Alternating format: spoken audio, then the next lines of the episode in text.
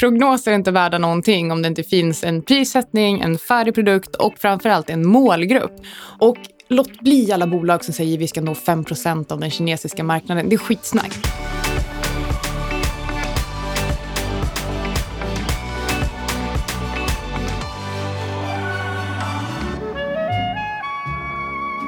Hello there, music lovers.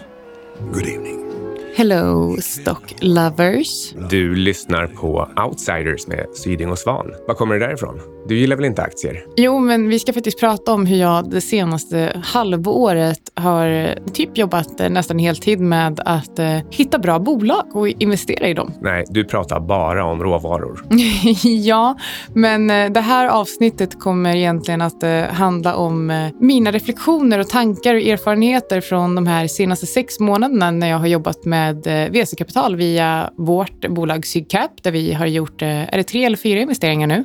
Och eh, via Blockchain AB där jag eh, tillsammans med Christian Ander hittar eh, blockchain startups och investerar i. Allt det där är ju faktiskt sant, men när folk lyssnar på dig, inte minst på Twitter, så tror de att du har 70 procent guld och ungefär 50 procent krypto och kanske sista hälften i aktier. Ja, och eh, du får inte glömma cirka 120 procent råvaror, jordbruksråvaror. Just det, var, varav ungefär 90 procentenheter majs. ja, ungefär så ser portföljen ut. Cirka 300 procent. Vet du vem världens mest kompetenta ljudaktivist är? Alexander Marton. Ja, det är ju han som klipper det här och lägger till ljudeffekter. Så tack för det, Alex. Men eh, vi ska ju som sagt prata om aktier. Anledningen till att vi inte pratar så mycket om aktier annars är för att jag fokuserar såklart på onoterade bolag eh, och skulle inte säga att eh, jag är en stockpicker när det kommer till noterade bolag. Men eh, det är väldigt stor skillnad på att eh, investera onoterat och eh, noterat. Ja, verkligen. Jag, jag trodde ju att jag skulle eh, på en eh, aktiekonferens igår för Charlie Munger och Warren Buffett. De pratar ju väldigt mycket om Lollapalooza-effekt.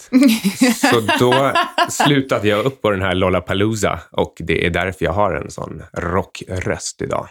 Yes, men eh, vi tänkte i alla fall att vi skulle gå igenom steg för steg vad, eh, vad jag har lärt mig. Och eh, jag skickade ut en fråga på Twitter för att jag håller på att skriva en artikel om det här också. Och det var många som ville att jag skulle prata om mina misstag och vad jag har lärt mig av dem. Men det är lite för tidigt eh, efter sex månader att se vilka misstag jag har gjort och vad jag har lärt mig av dem. Självklart så har jag lärt mig saker som, eh, som kanske som inte riktigt har med misstag att göra. Men jag lovar er att om fem år, då kan vi snacka misstag som kommer att ha kostat mig både säkert jättemycket pengar och i framförallt väldigt mycket tid. Det finns ju inga misstag eller förluster förrän man har stängt affären. Så du har ju inte gjort några misstag än. Mitt största misstag det är när jag stängde den där korten på OMX. Vad är det? Annars så skulle det inte ha varit ett misstag ännu. We can call it something else and pretend it's not there. Ska vi köra igång? Ja, berätta. Hur eh, investerar man riskkapital i små startups? För mig finns det lite olika saker som är väldigt, väldigt viktiga. Eh, först och främst så finns det inga bolag i några portföljerna som inte drivs av entreprenörer som redan har startat upp och kanske sålt ett annat bolag. För att jag vill jobba med erfarna entreprenörer för då känner jag mig trygg. Eh, det andra är att jag vill vara väldigt nära bolaget. Jag har egentligen inget intresse av att investera pengar om inte jag också är redo att investera tid i samma företag. Och det går faktiskt åt andra hållet också. Och det blir väl automatiskt så också. Och särskilt när det inte går riktigt som man ska. Är, då sitter du med entreprenörerna hela tiden. Ja, precis. Och för mig är det viktigt att jag investerar i bolag och framförallt entreprenörer som jag gärna hade umgått med ändå, även om jag inte hade gett dem massa pengar. Så, så på det sättet så är det väldigt, väldigt kul, för det gör också att eh, jag som tycker om att jobba och jag som tycker, tycker om att vara produktiv och effektiv gör att eh, många av eh, casen som vi har i portföljen hänger vi med ganska mycket privat också. Hur tänker du om värderingen? Måste man ha en doktorsexamen i fysik för att kunna räkna ut vad, vad en startup är värd? Nej, men och det var också en av frågorna som vi fick på Twitter. Det så här, gå igenom processen för att värdera ett bolag. Och det är inte riktigt så det fungerar heller. Nu går du och jag in väldigt tidigt i de här bolagen och eh, det, du kan liksom inte riktigt göra en värdering baserat på en prognos, baserat på en produkt som inte riktigt finns ännu. Eh, och, eh, så, så, det vi gör egentligen, det är att vi, det finns ju, nu ska inte vi prata egentligen om exakta värderingar av de bolagen som vi har gått in i, för det, det får vi inte. Men däremot så finns det ju olika, man, man tittar egentligen på milestones. Man kan, man kan ha någon typ av grundvärdering av ett bolag som just nu befinner sig i ett idéstadie och ju fler milestones de når, desto högre värdering. Dessutom så det har ju utkristalliserat sig över tid i VC-industrin en slags trappa med om ett bolag befinner sig i såddstatus eller försådd eller eh, runda A, runda B och sådär. Alltså, jag tyckte det där var ganska fåniga begrepp i början, för jag tyckte att man gör en DCF och så värderar man. Och det går inte med startups. Precis, och därför så har det då blivit en trappa där man säger att ja, men det, det är ett visst värderingsintervall som gäller för respektive fas. Och faserna eh, är att man, eh, man ska bevisa ett koncept och så kanske man ska ta fram en betaprodukt och sen ska man ha uppskalning och sen har man liksom geografisk expansion och den, liksom den riktiga tillväxten. Och för varje sånt steg, då, då kostar bolagen ungefär lika mycket. Exakt, och just när det kommer till värderingsfrågan också, för att jag har suttit och förhandlat en hel del om värderingar i olika bolag och tycker att jag har gjort ett ganska bra jobb där. Men eh, då är det också lite roligt och framförallt viktigt att komma ihåg att eftersom att man investerar i entreprenören och, eh, och det här ska vara en person som du, du ska kunna ringa den här personen mitt i natten och fråga vad är det som händer och de ska svara och de ska tycka att det är trevligt att du ringer. Så det innebär också att när du investerar och ska komma överens om en värdering, då står du faktiskt på samma sida som entreprenören. Det, ska, det här ska inte vara en fight, för om ni inte ens kommer överens om på vilken värdering du ska kliva in, då kanske ni inte ska göra affärer ihop i alla fall. Nej, ehm, det, det måste ju ligga mycket pengar kvar på bordet åt båda två. Det ska vara tydligt för entreprenören att de här pengarna gör att bolaget blir tio gånger så mycket värt för att man då kan genomföra sina planer. Och samtidigt så, så ska ju investeraren känna att även om det går mycket långsammare än väntat, men man nätt och jämnt når vissa milestones, ja, då ska man fortfarande typ få tillbaka pengarna. Ja, och eh, en annan sak som, eh, som är viktig att komma ihåg här också, att eh, om du går in med ett visst kapital på en viss värdering så är det också viktigt att eh, du kan argumentera för vad du som investerare kan bidra med förutom just kapitalet. För att eh, i mitt fall, jag tycker precis som jag sa innan att det är rätt kul att vara nära entreprenören, nära bolaget och gå in och göra saker operativt. Eh, det handlar absolut inte om att jag vill kontrollera entreprenörerna för att jag tror att de har mycket, mycket mer kompetens och mycket bättre erfarenheter än vad jag har när det kommer till att driva sitt eget bolag. Men däremot så sitter jag på andra resurser och andra, framförallt nätverk som jag kan bidra med. Och då är det viktigt att när du går in och ska investera i ett bolag, att du faktiskt säljer in dig själv som investerare. Vad kan jag göra för er? Hur ska jag kunna hjälpa er att växa? Det handlar inte om att trycka in pengar i en startup och hoppas att du ska få hundra gånger pengarna. En eh, kompis som har en private equity-firma, alltså det är riskkapital men ett mycket senare skede, de investerar i techbolag och eftersom de har investerat i massor med techbolag och alla techbolag har problem med att hitta kompetent IT-personal, då har de över tid skapat en pool som de kan hitta hundratals eller till och med tusentals kompetenta eh, IT-personer. Och det innebär att numera varje gång de investerar, då kan de verkligen hjälpa sina företag genom att, eh, att säga vad, vad behöver ni för personal? Och så bara skicka in dem.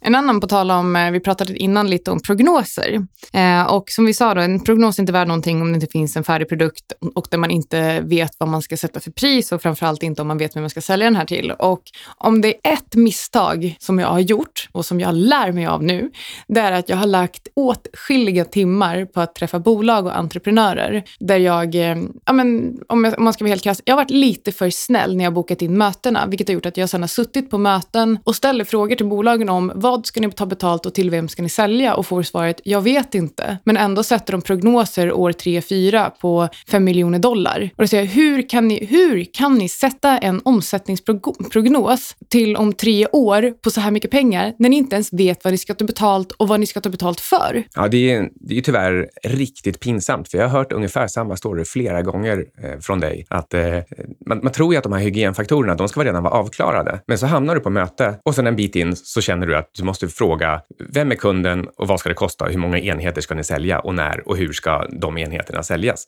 Så ja, det är bra att du, att du tuffar till dig och kanske lyckas ställa frågan på mejl innan. Ja, och eh, nu har det många, i många fall varit att jag har tagit de här mötena lite som en tjänst för kanske gemensamma vänner och sådär. Men eh, jag har också fått höra av vissa entreprenörer, framförallt om de inte har svar på de här frågorna, att de tycker att jag är lite hård. Eh, och eh, det tar jag faktiskt som en komplimang om jag ska vara helt ärlig. För att jag sitter där och, och investerar min tid och de sitter där och hoppas att jag ska investera pengar. Och så kan de inte ens svara på hur jag ska få tillbaka pengarna. Det var faktiskt ett annat, eh, det var ett annat möte som jag hade med en annan entreprenör. Och det här var egentligen ett, ett möte på Skype, det var när jag var i Marbella. Och eh, jag tog det här mötet och jag hade avsatt eh, 30 minuter eller en timme, jag kommer inte ihåg. Men efter en kvart så avbröt jag faktiskt mötet och så sa jag att du får komma tillbaka när du har de här och de här och de här delarna på plats. För till slut, jag frågade honom, har du ett pitch deck? Nej, det hade han inte inte, okej, okay, men kan du beskriva för mig då, vad är idén? Vad ska ni göra? Och framförallt, berätta för mig, hur ska jag få tillbaka pengarna och när kommer jag få tillbaka pengarna och till vilken multipel? Och då sa han, nej men det här handlar ju framförallt om att vi vill kunna hjälpa den här målgruppen som vi riktar produkten mot och då måste du förstå att vi behöver pengar för att kunna utveckla den här plattformen. Men vi kan inte garantera. Så, nej, nej, nej, det är inte så det funkar. Du kan inte komma till ett möte med en investerare och säga att vi vill ha dina pengar, men vi tänker inte göra någonting för att du ska få tillbaka dem. Du skulle ha en knapp på telefonen som har ett sånt där repa skivan-ljud som liksom stoppar upp dem mitt i det där. Och Så bara, nej, nu är ni helt fel ute. Ni måste börja med att veta hur ni tjänar pengar. Jag sa faktiskt det till honom och sen så sa jag efter att det hade gått tio minuter, en kvart möte och sa att så nu, vi avslutar här och eh, du, får, du får komma tillbaka när du har de här bitarna på plats. Och då skickade han ett mejl till mig efteråt och så skrev han ja, jag trodde att vi hade avsatt en timme men det där var mycket kortare än en timmes möte. Och eh, jag svarade faktiskt inte på det mejlet och jag har inte sett en pitch deck än både det här att du faktiskt kan vara så hård, men fullständigt rättvis. Eh, men jag har ju hört andra stories också där du verkligen skapar värde. Du, du breddar pajen och eh, förklarar för dem att jaha, men då ni borde träffa den och den eller eh, det är så här ni skulle kunna förmedla produkten. Ja, absolut. Och jag är väl kanske en idéspruta av, av rang. Jag bara slänger ur mig saker som jag tror kan skapa större värde för, för bolaget. Och det spelar ingen roll om jag ska investera eller inte jag är, liksom, jag är där för att hjälpa till. Jag har ett ganska stort nätverk, så kan inte jag hjälpa till så har jag säkert någon som jag känner som skulle kunna göra det, eller som är intresserad av produkten, eh, förstår bolaget och eh, kan vara intresserad av att kanske coacha dem eller kanske gå in och investera. Så för mig är det, för mig är det viktigt att alltid erbjuda ett mervärde, även om jag inte investerar själv. Men, och då vill jag också tillägga att jag tycker att det är att erbjuda ett mervärde och säga att det här duger inte. För det gör, det gör att jag skyddar dem från att gå till andra investerare med samma usla material. Ja, skydda dem från att eh, investera för mycket tid och pengar innan det ändå oundvikligen kommer eh, krascha ihop. Men tänk om det fanns någon bok som hanterade själva ämnet att, eh, att sprida värde i, i sin omgivning utan att kräva någonting tillbaka. Tycker du att jag borde skriva en bok om nätverkande, eller? Ja. det har jag ju faktiskt gjort. Precis, den heter? Nätverka. Men eh, vi, vi, fortsätter. Och, för det finns ju också i många fall då man träffar entreprenörer som har en sjukt fin presentation och de är riktigt duktiga på att sälja. Du har ju, du har ju fallit för det där. Nej, nu vet jag inte alls vad du pratar om. Jag kommer, det var också precis när, ganska nyligen efter att du och jag hade träffats eh, och eh, du pratade om det här bolaget som du skulle investera i som du också gjorde och jag sa att Nej, men jag, jag tror inte att det är en bra idé. Ehm, men, ehm, men det här är också väldigt, väldigt viktigt att även om eh, entreprenören ska ha förberett sig och ha bra material och kunna underbygga alla argument och alla prognoser som de har, så se till så att du har rätt frågor. Bli inte, bli inte förblindad av att det står 5 miljoner dollar på sista raden om tre år och bara oh, shit, det här är sanning, det är så här, det ska bli. Det är fortfarande prognoser. Om inte de kan svara på hur de har gjort den här prognosen så ska du faktiskt inte investera. Det är i alla fall, så känner i alla fall jag. Även om man inte kan göra en riktig prognos om framtiden så kan man åtminstone bryta ner den där siffran bakåt till man kommer ner till nivån, okej, okay, hur många kronor ska ni lägga på Facebook-annonser? Vilken konverteringsgrad räknar ni med att de här annonserna ger i form av försäljning och sen där, vad är enhetspriset? Vad är era kostnader? Och då kommer man fram till någonting. Då vet man i alla fall på varje enskild punkt eh, vad, vad risken och vad kravet är. Och då kan man ha tydliga milestones att följa upp så att man inte bara måste vänta i tre år helt i blindo och sen, jaha, det blev inte fem miljoner dollar. Det här är också en av anledningarna till att eh, jag vill investera i eh, bolag med entreprenörer som har erfarenhet av att driva bolag innan. För om de då kan visa på prognoser så kan man någonstans följa upp, okej, okay, men hur satte de prognoserna för sitt förra bolag och hur lyckades de följa upp på det? Så att även om historisk avkastning inte säger någonting om framtiden så säger det väldigt mycket om hur, eh, hur en entreprenör lyckas leverera vad han har lovat tidigare. Ja, alltså verkligen. Um, och track recordet gör dessutom entreprenören eh, lite mer ödmjuk och eh, har antagligen korrigerat sina prognoser och har också förstått att man kan inte göra för mycket top-down utan man måste, måste börja i, eh, i det lilla i närmarknaden och förstå hur får jag ens ut den första enheten och till vem är det? Absolut. Jag tänkte att vi kunde bara bryta in med en fråga som jag också fick på Twitter när jag skrev att jag skulle eh, skriva om det här och eh, prata om det här. Då var det någon som frågade hur hur jag egentligen tjänar pengar. Jag tänkte vi kan svara på det också. Eh, nej men förutom de två böckerna som, eh, som jag har skrivit så har ju du och jag den här podcasten till exempel. Vi har ett veckobrev och eh, så vi driver ju det här bolaget Sydcap, eller vilket jag kanske driver och eh, du får hänga med och snacka i podd. Och sen så sitter jag ju som vd för ett annat VC-bolag eh, som jag fakturerar eh, från Sydcap och eh, ja, jag har faktiskt inte tagit ut någon lön i år, men eh, jag har lagt undan en hel del pengar sedan innan, så jag överlever ett tag ändå. Nu vet vi inte vad frågan egentligen syftade till, om det var hur får du in pengar till dina riskkapitalinvesteringar? Eller om frågan var vilka riskkapitalinvesteringar är det du tjänar pengar på? Och jag tjänar inte pengar på några riskkapitalinvesteringar än, om inte det räknas som den vd-rollen då, i det andra bolaget. Men, eh, men någonstans är det ju också så här, jag är ju väldigt tidigt i min investerarkarriär och eh, eftersom att jag har någonstans tidigare kunnat bygga upp, eh, bygga upp ett kapital som gör att jag faktiskt kan nu fokusera på att återinvestera allting som kommer in till Sydcap till exempel. Återinvestera de pengarna i nya bolag. Jag gör ju det här nu för att jag kan, men det är också en risk för mig att, eh, att till exempel inte ta ut någon lön eller att, eh, eller att driva eget som jag gjort nu i lite mer än ett år. Självklart är det en risk och det måste finnas någon typ av stabil grund att stå på från början för att kunna göra det här. Eh, jag vet inte riktigt vad, vad min poäng med det här är, men, och jag vet inte riktigt varför frågan ställdes, men, men jag tänkte... Jag kan... Sydcap äger ju bland annat, eller har investerat i eh, den här konkurren konkurrenten till Patriot One som eh, sysslar med sprängämnesdetektion. Exakt. Och där är det ju så att eh, det här företaget är klart längre kommet än Patriot One och Patriot One värderas till sex gånger så mycket. Så det kan mycket väl vara där första intjäningen på riskkapital är. Absolut. Eh, och sen är också planen om man ska gå vidare. Vi, vi kanske skulle också avsluta sen med att prata lite om strategin bakom investeringarna och hur vi vill bygga upp portföljen. För vi vill ju ha en noterad portfölj också som egentligen följer Sygnus strategi. Men det ligger lite längre fram i tiden och vi har pratat om att kanske sätta upp den eh, med start om, eh, i, under Q2 nästa år. Men eh, vi, kan, vi kan fortsätta. En annan extremt viktig poäng, eller viktig sak, det är att älska produkten som du investerar i. Kan inte det vara farligt? Kan man inte bli förblindad och tänka jag älskar insektsproteinpulver. Det måste alla andra också göra. Nej, jag tror att det är tvärtom. För om inte du älskar produkten, om inte du tycker om produkten, varför ska du investera i ett bolag som du inte, som du inte själv hade köpt produkten av? Ja, men säg att man eh, gillar, eh, inte gillar Porsche. Alltså man gillar inga bilar över, överhuvudtaget. Men man, eh, man ser att ah, men ni har bra siffror här i starten. Jo, fast då snackar du om siffror och inte prognoser. Då har du ju någon typ av intäktsmodell och då kan du göra en kassaflödesanalys. Det här, är- det här är något helt annat. Det är väldigt stor skillnad på det och att till exempel investera i en jetboard. Ja, eh, men där är det ju också eh, lite farligt att eh, bli så kär i produkten och tycka att det här är ju riktigt, riktigt häftigt. Alltså, och, och, Alltså jag då- säger inte att det är det enda du ska bygga ditt case på, men det är en av grundpelarna i det. Du ska, du ska älska produkten och sen är det massa andra saker som också ska falla på plats. Du ska också förstå varför alla andra ska älska produkten, eller i alla fall den målgruppen.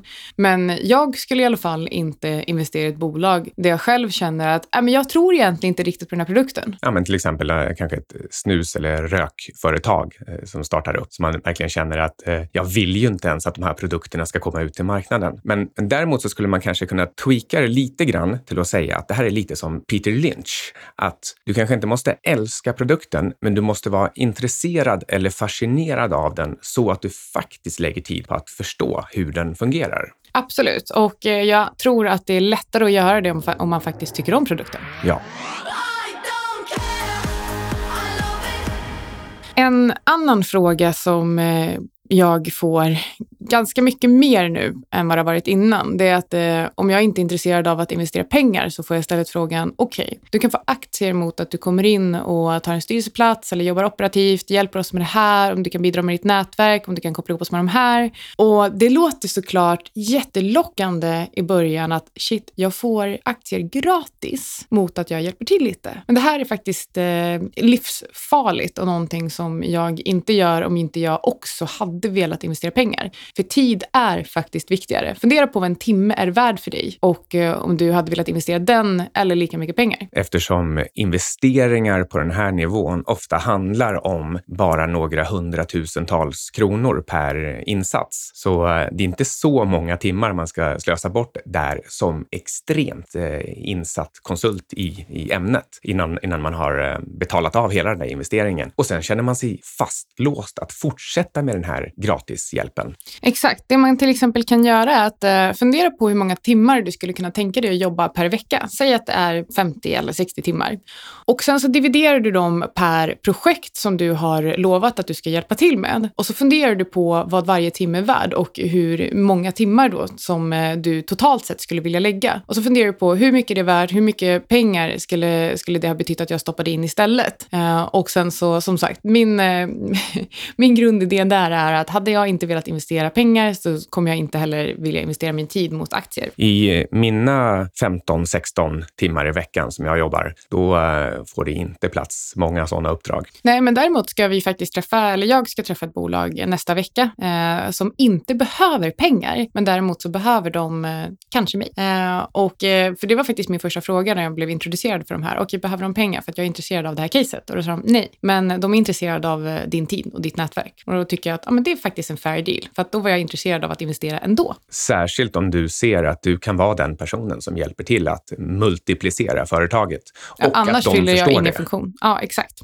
Um, sen så tänkte jag också, för du och jag diskuterade häromdagen, för du sa det till mig, jag tror att det var när jag var hemma hos mina föräldrar sist, så, så diskuterade, bollade jag en idé jag hade med dig och någonting som jag hade gjort i um, ett av bolagen. Och då helt plötsligt så stannade du upp och så sa du, nu förstår jag vad att göra affärer betyder. Visst eh, vidrörde vi det ämnet i någon podd nyligen. Men eh, det, det, tog verkligen eh, nästan till jag fyllde 50 innan jag fattade begreppet. Jag har alltid tyckt att det är så himla flummigt. Vad då göra affärer? Antingen så köper man eller så säljer man och sen är man klar med det. Men, eh, men att affärer det knyter an till, till en förhandling som syftar till att skapa någonting större för båda. Och det sjuka här är att redan på Handels, kanske cirka 1991, så läste vi en, en bok som hette Getting to Yes, som handlar om att förhandla och göra affärer. Och vi till och med gjorde rollspel baserat på det här. Och jag förstod konceptet att, eh, att skapa någonting större som man sen delar på, men jag har ändå fortfarande aldrig förstått på riktigt vad man menar när man, när man säger jag gillar att göra affärer. Men eh, tack för det, Anna.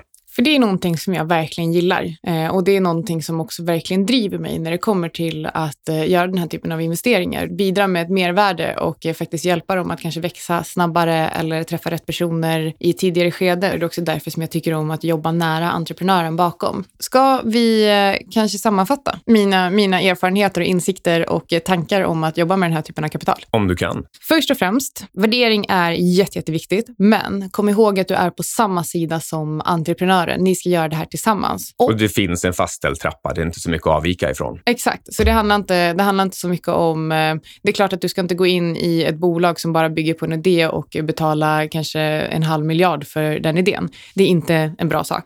Men eh, att driva ett bolag med någon är faktiskt som att eh, gifta sig. Så se till så, att, så, se till så att du eh, investerar i entreprenörer som eh, du skulle kunna tänka dig att spendera ditt liv med. Det är för mig väldigt, väldigt viktigt. Sen Sen tror inte jag heller på att ha majoriteten av eh, bolag, eh, eller majoriteten av portföljen eh, i bolag som jag inte är engagerad eller operativ i.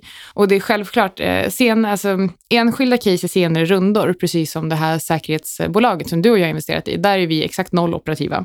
Men, eh, men de, alla de andra bolagen är jag ju väldigt djupt involverad och engagerad i. Jag blir lite orolig nu, för du hamrar in budskapet om att man inte ska ingå i bolag om man inte kan tänka sig att leva ihop resten av livet.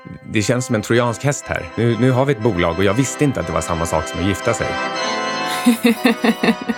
ja, vi får se vad som händer. Jag investerar ju i lite andra bolag också. Så moving on. Men och prognoser är inte värda någonting om det inte finns en prissättning, en färdig produkt och framförallt en målgrupp. Och låt bli alla bolag som säger vi ska nå 5% av den kinesiska marknaden. Det är skitsnack. Ni ska vara specialiserade. Det är liksom faktiskt enda sättet att tjäna pengar, för annars blir ni för ofokuserade. Hur ska du egentligen rikta marknadsföringen mot 5% av Kinas befolkning? Det är det dummaste jag har hört. Eh, gör inte så. Och bli inte förblindad när det kommer in en flashig, lång entreprenör som säger att han ska revolutionera bolånemarknaden eh, och slänger med eh, fina siffror och eh, jag vet inte, någon fin examen. Men tänk om man tar en procent av den svenska bolånemarknaden. eh, och eh, så alltså egentligen, lär dig sig skillnad på någon som säljer och någon som presterar. Och eh, älska produkten som ska säljas till slutkund. Du har ju inte ens bolån. Och eh, venture capital, det är inte transaktioner, det är att göra affärer. Så eh, se till så att du är ganska duktig på att eh, egentligen försöka sälja in dig som investerare. Varför ska du få ens vara med på den här resan med det här bolaget? Och investera aldrig din tid mot equity eh, om du inte hade investerat lika mycket pengar. Då, då, då är vi klara. Du har lyssnat på Lollapalooza Outsiders. Oh, suis.